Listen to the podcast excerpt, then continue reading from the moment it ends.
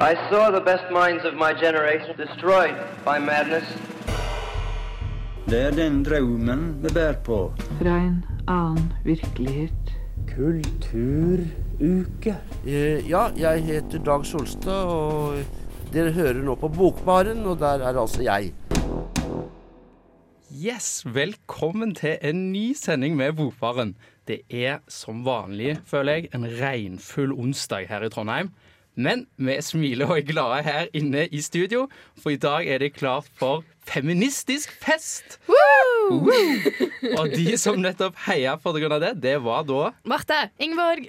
Yes, og jeg er da Magnus.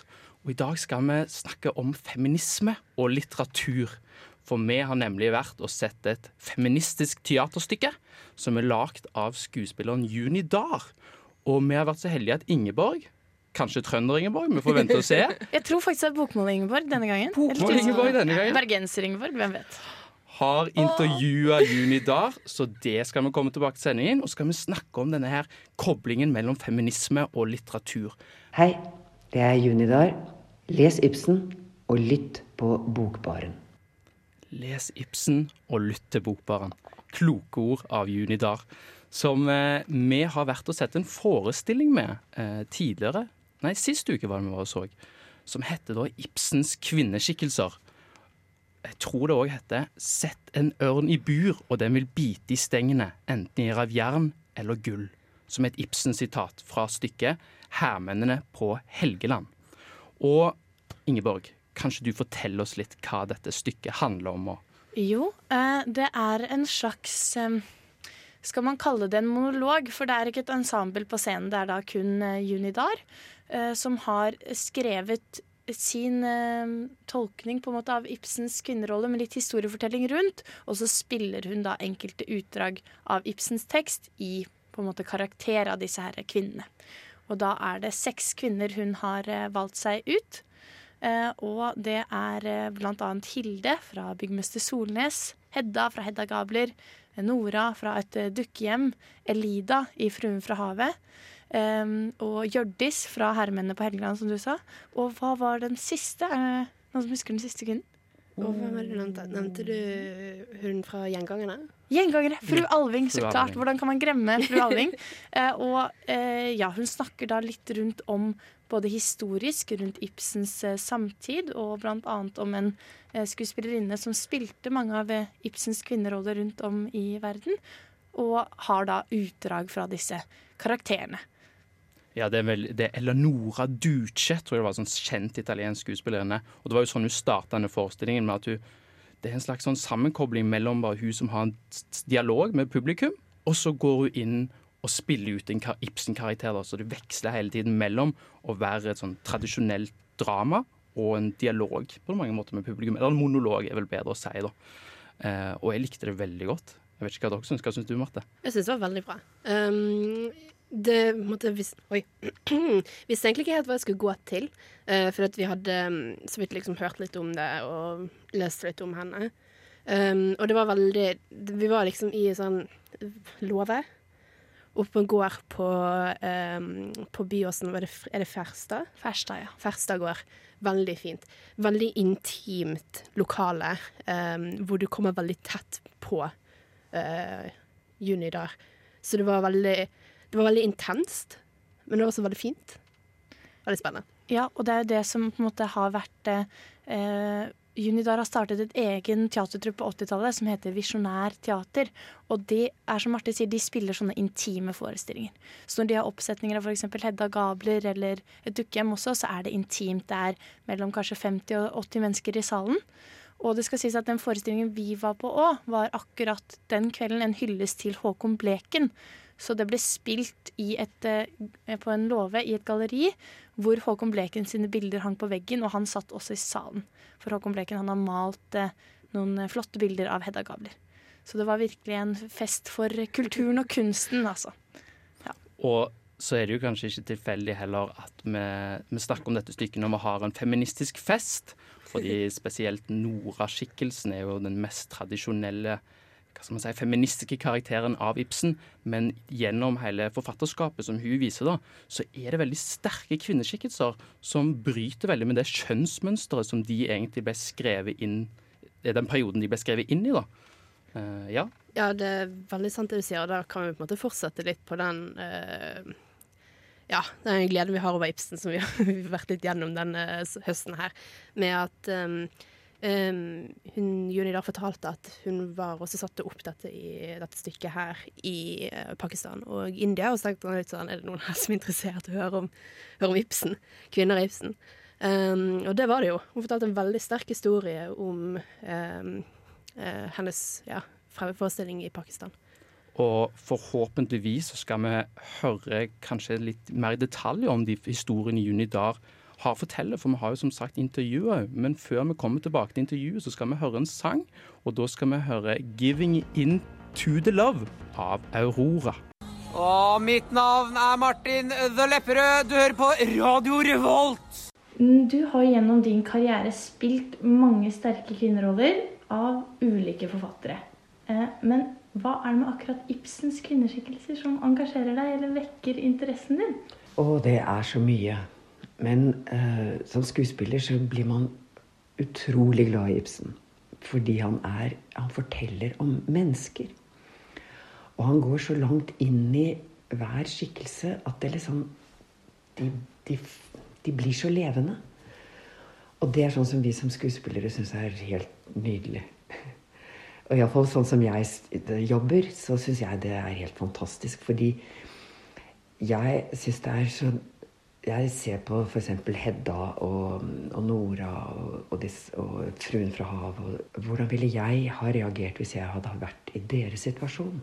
Når jeg liksom begynte å jobbe med dette prosjektet med Ibsens kvinneskikkelser, så var det egentlig liksom Jeg hadde en, så mange spørsmål.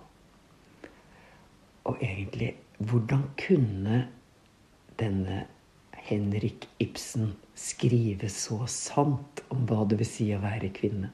Hvem er dette mennesket? Hvor fikk han sin innsikt fra? Det har jeg brukt mye tid på. Det fins ikke noe enkelt svar på det, men jeg tror at han hadde en veldig sterk innlevelse. Og han brukte jo øh, mange historier fra sin egen tid. Kona hans var viktig. Hun stilte spørsmål og var veldig skarp og klok. Så jeg tror nok de hadde interessante samtaler. Og så passet hun på at han skrev. Hun låste ham inne, vet du. Oh. Og han var jo glad for å gå ned på Grang og ta seg en drink. Så hun sa inn, skriv. Og han produserte jo ett stykke hvert år. Det er genialt. Vi må takke Susanna for at hun holdt ham i tøylene. Du har reist verden rundt med forestillingene eh, dine, og de kan eh, kanskje karakteriseres som feministisk forankrede forestillinger. Mm. Eh, hvordan har det vært? Og det har vært strålende. Kjempegøy. Fordi jeg Altså Som kvinne så var jo det veldig naturlig. Jeg ville fortelle historier om kvinner, og det begynte med Jeanne d'Arc. Og så ble det Ibsen. Og det gjorde jo at jeg fikk et helt sånt nettverk av masse kvinneaktivister verden rundt. F.eks. vi var på den store kvinnekonferansen i Beijing. Det var jo helt øh, veldig mye om hva det vil si å være kvinner. Og da overfor kinesiske kvinner. Og likeledes i Japan så ble det også satt inn veldig i et kvinneperspektiv. Og så ser man hvordan kvinnerollen er veldig forskjellig. Frihet, som på en måte mange av disse kvinnene, og som jeg syns er spennende med Ibsen, det er jo et begrep Altså frihetsbegrepet er stort. Hva vil det si? Ikke sant? Og det er veldig forskjellig fra kultur til kultur. Så, hvordan var tilbakemeldingen fra noen av de kvinnene i f.eks. land som Iran og ja. India? Du vet, På en måte så tror jeg de tenker at det er fantastisk at, at kvinnene får lov å snakke. Mm. Og at de blir hørt. Det er jo sånn som Nora sier. Du skal høre, ikke avbryt meg. Nå er det meg som snakker. Det er ganske Og du vet Det er mot. Mm. Så det, en, det blir på en måte en veldig uh, oppmuntring, da. For kvinnen å liksom ikke gi opp. Hei, hei. Eh, Dette er Vigdis Hjort. Jeg liker navnet på denne radiokanalen, Radio Revolt. Hør på magasinet Bokbarn. Det å sitte på bar og lese bok, det er ikke det verste. Velkommen tilbake til Bokbaren. Vi eh, har nettopp hørt et intervju med Juni Dar. Og jeg støtter hun i påstanden om at vi må takke Susanna, altså Ibsens kone, for at hun holdt han i tøylene, og at han skrev. For han har skrevet fram mange inspirerende og mystiske og interessante kvinneskikkelser, blant annet. Eh, veldig spennende intervju å høre på. Ingeborg. Hvordan, hvordan var det intervjuet, Juni Dahr?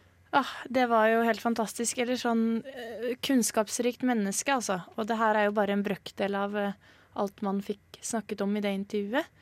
Eh, men virkelig at en person med innsikt og ikke minst, jeg føler det må nevnes, en meget behagelig stemme å høre på. Det var utrolig deilig å bare høre på sånn mørk fra sånn mellomgulvet-stemme. Det var nydelig. Ja. Og det følte jeg var når hun spilte et stykke, og du så jo at sånn autoritet når hun sto og snakket fra mellomgulvet, som du sier, Marte. Mm. Og man ble liksom trollbonde når man satt og så på henne, og Ja. når man hørte på henne. Og så var det jo virkelig spennende å snakke med en Ibsen-ekspert, for det tror jeg må vi kunne kategorisere Juni da som. Og også en ekspert på Ibsens kvinner. For hun har jo virkelig drevet eh, og spilt eh, disse her forestillingene fra eh, slutten av 80-tallet, altså. Så det, det var det var ikke en tanke eller en, et spørsmål hun svarte på på sparket. Det er en bearbeidelse som har gått over mange mange tiår, faktisk. Så det var veldig interessant å få, få høre litt om det.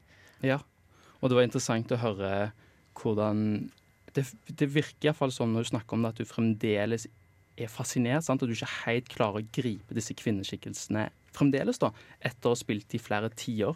Og det er jo kanskje det som skaper en sånn enorm interesse for mange skuespillerinner. Å spille Hedda og spille Nora. Fordi de er så komplekse. De er sånn som Juni da sier, at Ibsen klarte å fange mennesket eh, menneskets essens, nesten. Så på en måte, selv om det ble skrevet for nesten 150 år siden, så, så føles det aktuelt, og det føles fremdeles levende.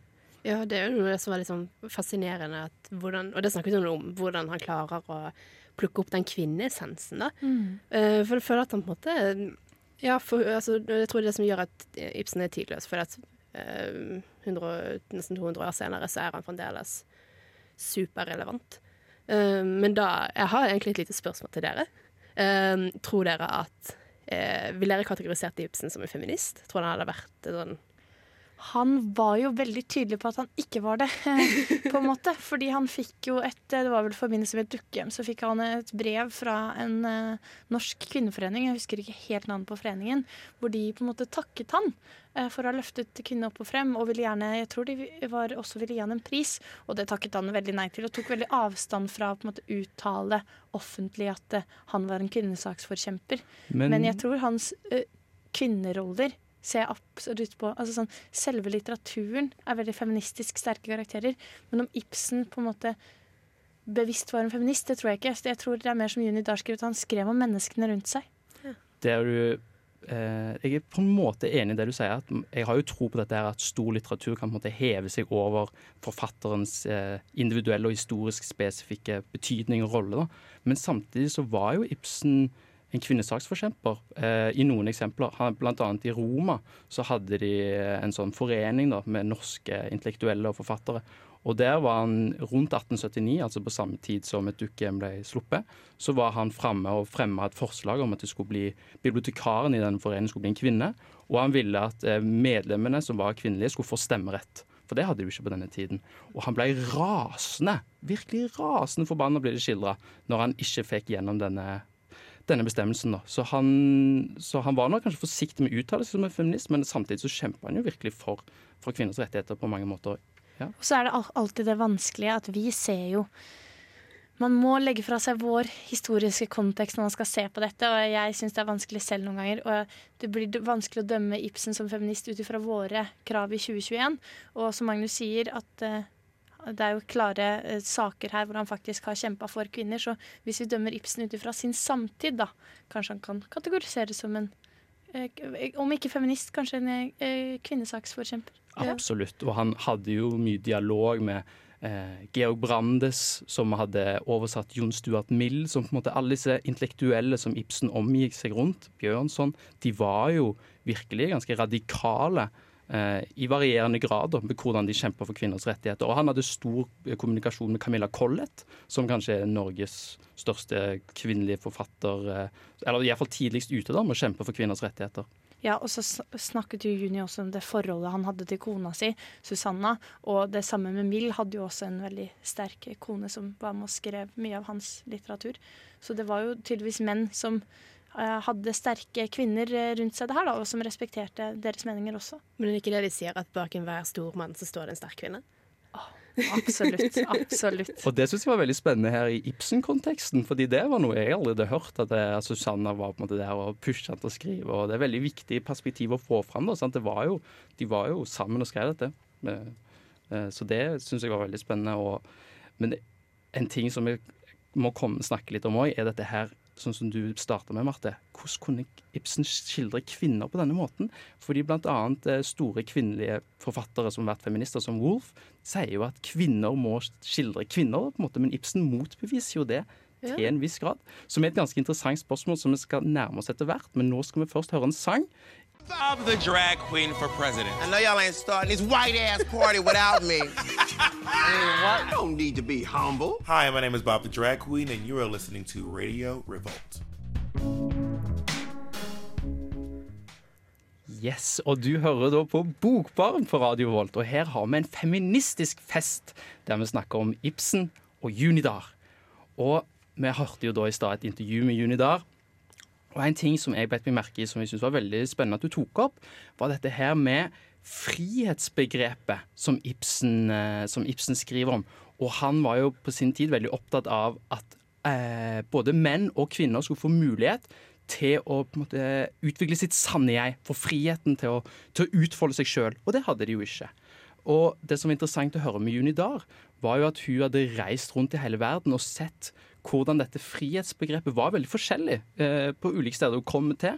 Men så det er på en måte ulike normer Japan eller Kina som hun snakket om, for hva som friheten innebærer. Men det er denne lysten etter å ha en viss frihet, den er ganske universell. Jeg vet ikke om det var noe dere beit dere merke i med, med, intervjuet? Ja, jeg tenkte jo bare på Ibsen selv, som var en veldig kontinental person. Han eh, bodde jo i utlandet i nesten 30 år. Eh, og som Juni sa, at det var på en måte Ibsen som har fått henne ut og, og rundt om i verden for å møte alle disse kvinnene og snakke om frihetsbegrepet. Og ja, eh, vi kan jo kanskje nevne det. Marte, du kan jo fortelle når vi var på forestillingen, så fortalte hun en veldig sterk historie som, eh, om en kvinne når de hadde spilt i Calcutta, tror jeg det var.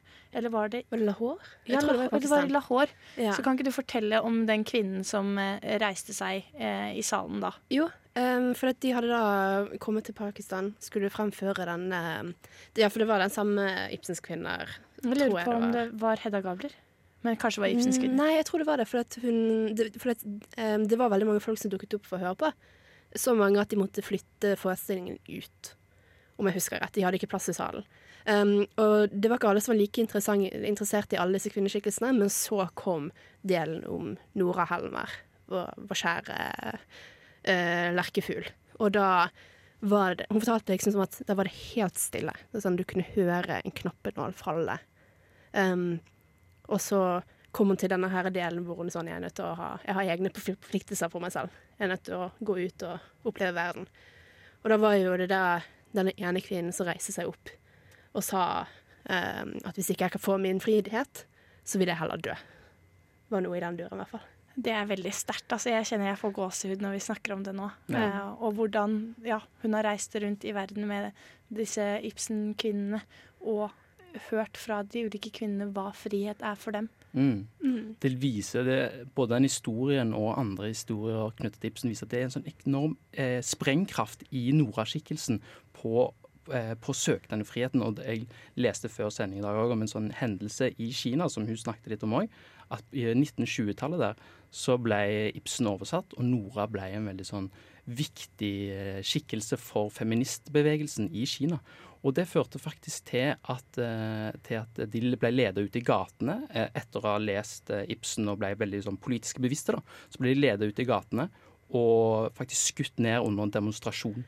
Så det er forskere som har liksom tratt eh, ja, hva skal man si, koblinger mellom en enorm eh, politisk vekkelse, feministisk vekkelse i Kina på 1920-tallet og Ibsen. Ja. Så det viser jo kraften som ligger i det, da. Ja, altså det er jo den En folkefiende som vi leste for noen uker siden, den er også bannlyst i Kina. Eh, fordi at folk eh, relaterte litt for mye til Dr. Stockmann. Ja, så det er kjempefascinerende. Ja, det, det, er fascinerende. Og den historien du fortalte om med Juni Dar er fascinerende, og jeg tror hun har mer eh, gull på lager. Så jeg tenker egentlig bare at vi skal gå videre og høre litt mer hva Juni Dar har å si.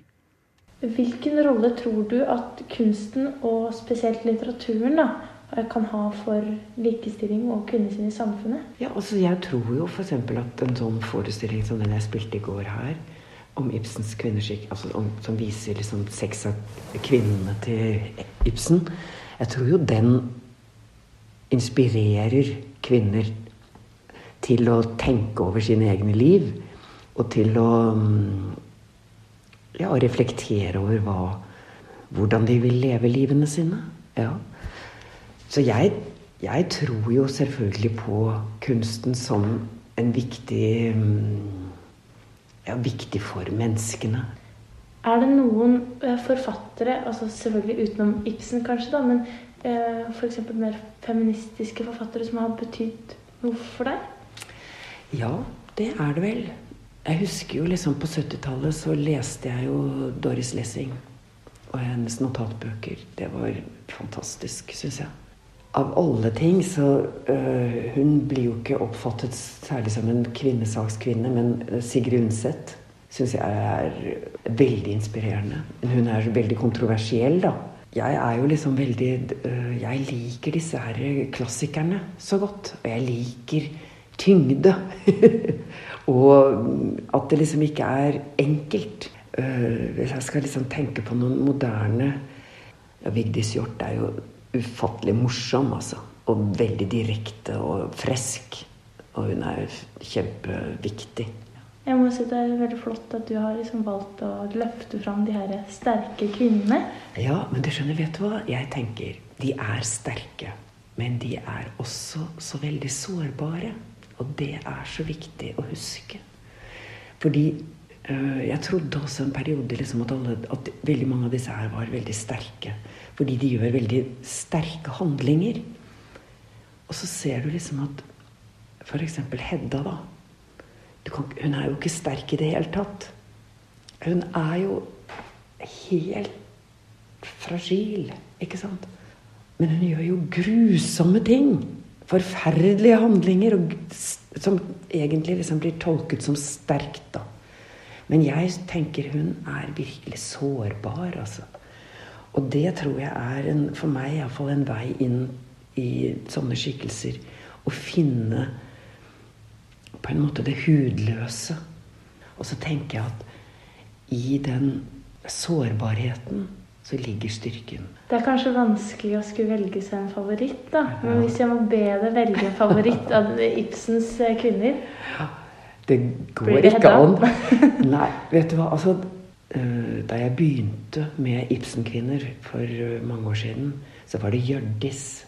Fordi hun er så forteller, og hun er helt vill og gal. ikke sant? Og så er hun altså hun er jo blitt sveket så grusomt. Altså Jeg syns hennes historie er liksom så sterk, altså. Radio Revolt. Der hørte vi en nydelig sang av Ingeborg Oktober, som òg er forfatter, faktisk. Eh, og før det så hørte vi andre del av eh, intervjuet med Juni Dahr. Igjen veldig spennende og deilig å høre på. Var det noe spesielt dere beit dere merke i som Junidar sa denne gangen, Ingeborg eller Marte? Ja, eh, det var jo det her med kanskje litt om hun snakka om kunstens rolle. Eller jeg spurte henne om hun mente at kunsten kunne ha noen rolle for å fremme kvinnesaker. Og da var det jo nesten litt pussig at du hadde snakka om akkurat det før, Magnus. At disse kvinnene i Kina leste, Nora, leste om Nora, og så gikk de ut i gatene og ble skutt ned. For det var jo akkurat det eh, Juni sa, at ved å lese denne litteraturen, så får de en slags oppvåkning og en tankegang om hvordan de vil leve sine liv, hvordan deres liv skal se ut. Men det var kanskje veldig mye av intensjonen til Ibsen og hans, for, altså hans medforfattere på den tiden? Eh, hvis jeg husker riktig fra videregående. Ja, han var jo eh, så, samfunnskritisk. Ja, og det var jo realismens eh, oppgave. Å sette de her eh, vanskelige spørsmålene og få folk til å reflektere over hva er det for et samfunn vi lever i. Hva er det som vi ønsker å ha det. De skulle sette problemet under debatt, og kvinnesaken var definitivt et viktig problem å sette under debatt. For det er jo det, er jo det som er når vi snakker om disse her Ibsen-skikkelsene, at det er nesten vanskelig å forestille seg hvor annerledes verden var. sant? At uh, det, uh, kvinner hadde ingen stemmerett, de skulle bare være hjemme. Og det som skjer med Nora, sant? hun kunne ikke signere på noen pa og da. Det var totalt skandaløst, de kunne ikke skille seg. Det var bare så totalt annerledes. Uh, og da var det jo litt spennende å høre med hva Junidar hadde å si òg, fordi hennes favorittkarakter, det var jo Hjørdis. Og Hjørdis, i motsetning til mange av de andre, både Hedda Gabler og Nora, som lever på, på slutten av 1800-tallet i sånn borgerlige borgerlig hjem, hun lever i vikingtiden. Så da er det jo kvinnesaken på en helt annen tid. Og jeg må si meg enig i Juni Da sin vurdering at av de karakterene som hun presenterte, så syns jeg òg hun var den mest spennende. Hjørdis slo meg som en veldig spennende Ibsen-karakter. Er dere enig i det? Ja, absolutt. Og for de som ikke vet hvem Hjørdis er, da. Eh, faktisk så skal jeg innrømme at jeg selv ikke visste hvem hun var før Juni presenterte oss for henne forrige uke. Og hun er da, som Magnus sier, et av de tidligere stykkene til Ibsen og lever som en sånn vikingkvinne. Og historien til Hjørdis det var at hun var veldig pen og vakker. Eh, og så kom det to menn for å krige om henne. Eller krige om å få henne. Og så sa hun at ja, den som kommer i mitt kammer eh, i natt, kan få meg. Men da må dere først drepe isbjørnen som jeg satt utenfor rommet mitt. Og så skal man ikke avsløre for mye, men eh, det er litt eh, lyving blant disse to mennene, så hun ender kanskje opp med den som hun egentlig ikke skulle endt opp med. Og det er det Juni snakker om når hun har, sier at Hjørdis hun har blitt sveket noe så inderlig. Det er at hun på en måte har fått eh, et liv hun ikke skulle, så hun lever i en slags sånn et falskt liv. Og et liv som hun egentlig ikke kjenner seg igjen i. Ja. Og det er jo hun som har denne her eh, sitatet som jeg hadde tidligere i sendingen òg, som var eh, Hva er det da er? Fang nå har jeg ikke det sitatet lenger. Du har sett en ørn i Sett en ørn i bur, ja. Og det vil bite enten stengene av jern eller gull. Fordi det som er at hun blir søster og kommenterer Men du har det jo så fint her på gården. Du lever jo så trygt og godt. Men da er hun sånn Hun vil ha denne friheten. Hun vil ikke være i fangenskap. sant? Men det er jo kanskje en liten sånn ja, gjenganger i Ibsen-stykkene spesielt, med Nora òg. Hun føler seg litt som den der fuglen i et fuglebur som ikke får lov til å spre ut vingene sine. Absolutt. Men det er det med Ibsens kvinner at eh, synes jeg i hvert fall, omstendighetene deres reflekterer jo den samtiden de lever i. Men sjelen, eller på en måte det indre livet de har, det kunne vært i dag. Eh, det er derfor de er tidløse, som du har vært inne på tidligere, Marte. Men Noras liksom, reaksjon, Noras tankesett, det tror jeg er gjenkjennbart for enhver kvinne over alle perioder. Mens omstendighetene dem, hennes, den er midten på 1800-tallet. Slutten på 1800-tallet vakkert. Nå fikk jeg litt sånn frysninger. Ja, det ser tror... ikke i liksom, studio, men Ingeborg hadde sånn utrolig vakkert sånn syn hvor hun bare liksom så ut i horisonten og sånn drømmen. Det var veldig fint. Ja, det var junidar-stemning i studio, ja, ja. rett og slett. Jeg heter Anne Bragde og er forfatter. Og når man er forfatter, så hører man selvsagt på Bokbarn så ofte man har anledning. Karakterene er sårbare, og det er i denne sårbarheten styrken ligger sa Juni da så flott i intervjuet vi hørte. Hva tenker dere om det? Det var veldig fint sagt. Jeg syns det er utrolig vakkert, men også kjempespennende. Fordi at um, det viser den dualiteten i det å være kvinne. For det er en sånn forventning om at å, strong independent woman, ikke sant. Du skal være det. Um, og da går det ofte på bekostning, syns jeg, av um, alle de andre klassiske, på en måte stereotypiske kvinnekvalitetene, som er det å være sårbar. Det å være uh, snill, um, emosjonell. Um, og jeg syns det var utrolig fint det hun sa, da, at det er styrke i disse svakhetene. Eller ikke svakheter, det er det absolutt ikke, men i den sårbarheten, da. Ja, også som hun sier at Ibsens kvinner de blir sett på som sterke fordi de tar store, sterke valg. Men som hun sier, så er, er det ikke så mye som valgene som er sterke, men at de innser sin sårbarhet, som gjør dem sterke. Nesten sånn innser sin menneskelighet. Og det er noe veldig fint med det. Mm. Mm. Og det, jeg syns dette er en veldig spennende diskusjon å ta opp, så jeg er veldig glad vi får gjøre det. Um, fordi at um, vi kan dra det til noe helt annet, så absolutt ikke Ibsen, men noe jeg syns er kjempespennende å diskutere feminisme opp mot Disney. Uh, fordi at veldig ofte blir disse um, Disney-prinsessene um, sett veldig ned på fordi at det ikke er sterke feministiske karakterer. ikke sant? De er avhengig av uh, menn. Men jeg, og dette her er sånn hold er villig til å dø på, fordi at jeg syns det er utrolig dårlige ting å si. Fordi at det er spesielt sånn som Askepott, det er mye styrke i hennes sårbarhet. da. Det, det karakteren hennes er den godheten. Så jeg syns det er veldig fint at man måtte ta det opp. da. Ja, det, det er jeg helt enig i. Sånn at det, det, er jo Hva skal man si? En, en, måte å se feminisme på som jeg er helt enig med. At man, man må være åpen for at kvinner skal ikke være sånn, og menn skal ikke være sånn, men at man skal få lov til å, å bli det man vil bli. sant? Og hvis man skal trekke tråder her til andre feminister, så var jo det Beauvoir sitt poeng òg. At, man blir, at man ikke blir født en kvinne, men blir en kvinne. Det er at man skal se hva en kvinne kan bli. Mm. Og, og, da må man ikke bare være styrke, og man må ikke bare være sånn, men man får lov til å være på den måten man vil. Man får lov til å være sårbar hvis det er det som skal til. da. Åh, det er så mye mer vi skulle ha snakket om. Uh, men nå må vi faktisk allerede over til neste låt, og da skal vi høre 'Se vekk' av Myra. Dette er bare Egil. Det blir mer drittmusikk etter dette. Det blir ikke drittmusikk, det blir feministisk fest her ja. i Bokbaren. Det har vi hatt i dag. ble veldig mye snakk om uh, Junidar og Ibsen. Men det er jo verdig en feministisk fest, syns dere ikke det? Absolutt. Absolutt He, he. he, he. Yes. Men en annen eh, feminist som, eh, som, vi leser nå, egentlig, er et spørsmål vi leser, det er Virginia Woolf. For hun er nemlig den klassikeren som vi skal ha sending om to uker. Så blir det mer feminisme snart i Bokbaren. Og her blir det først lesetips med Junidar. Brødrene Karamazov. Dostojevskij. Det er så vanvittig. Og det har tatt meg helt Kastet meg ut. Han skriver så uh, livsbejaende og heftig. Det er virkelig heftig og begeistret, altså. Det er stor litteratur. Du lyttet nettopp til en podkast fra Radio Revolt. For å høre flere av våre podkaster, gå inn på radiorevolt.no.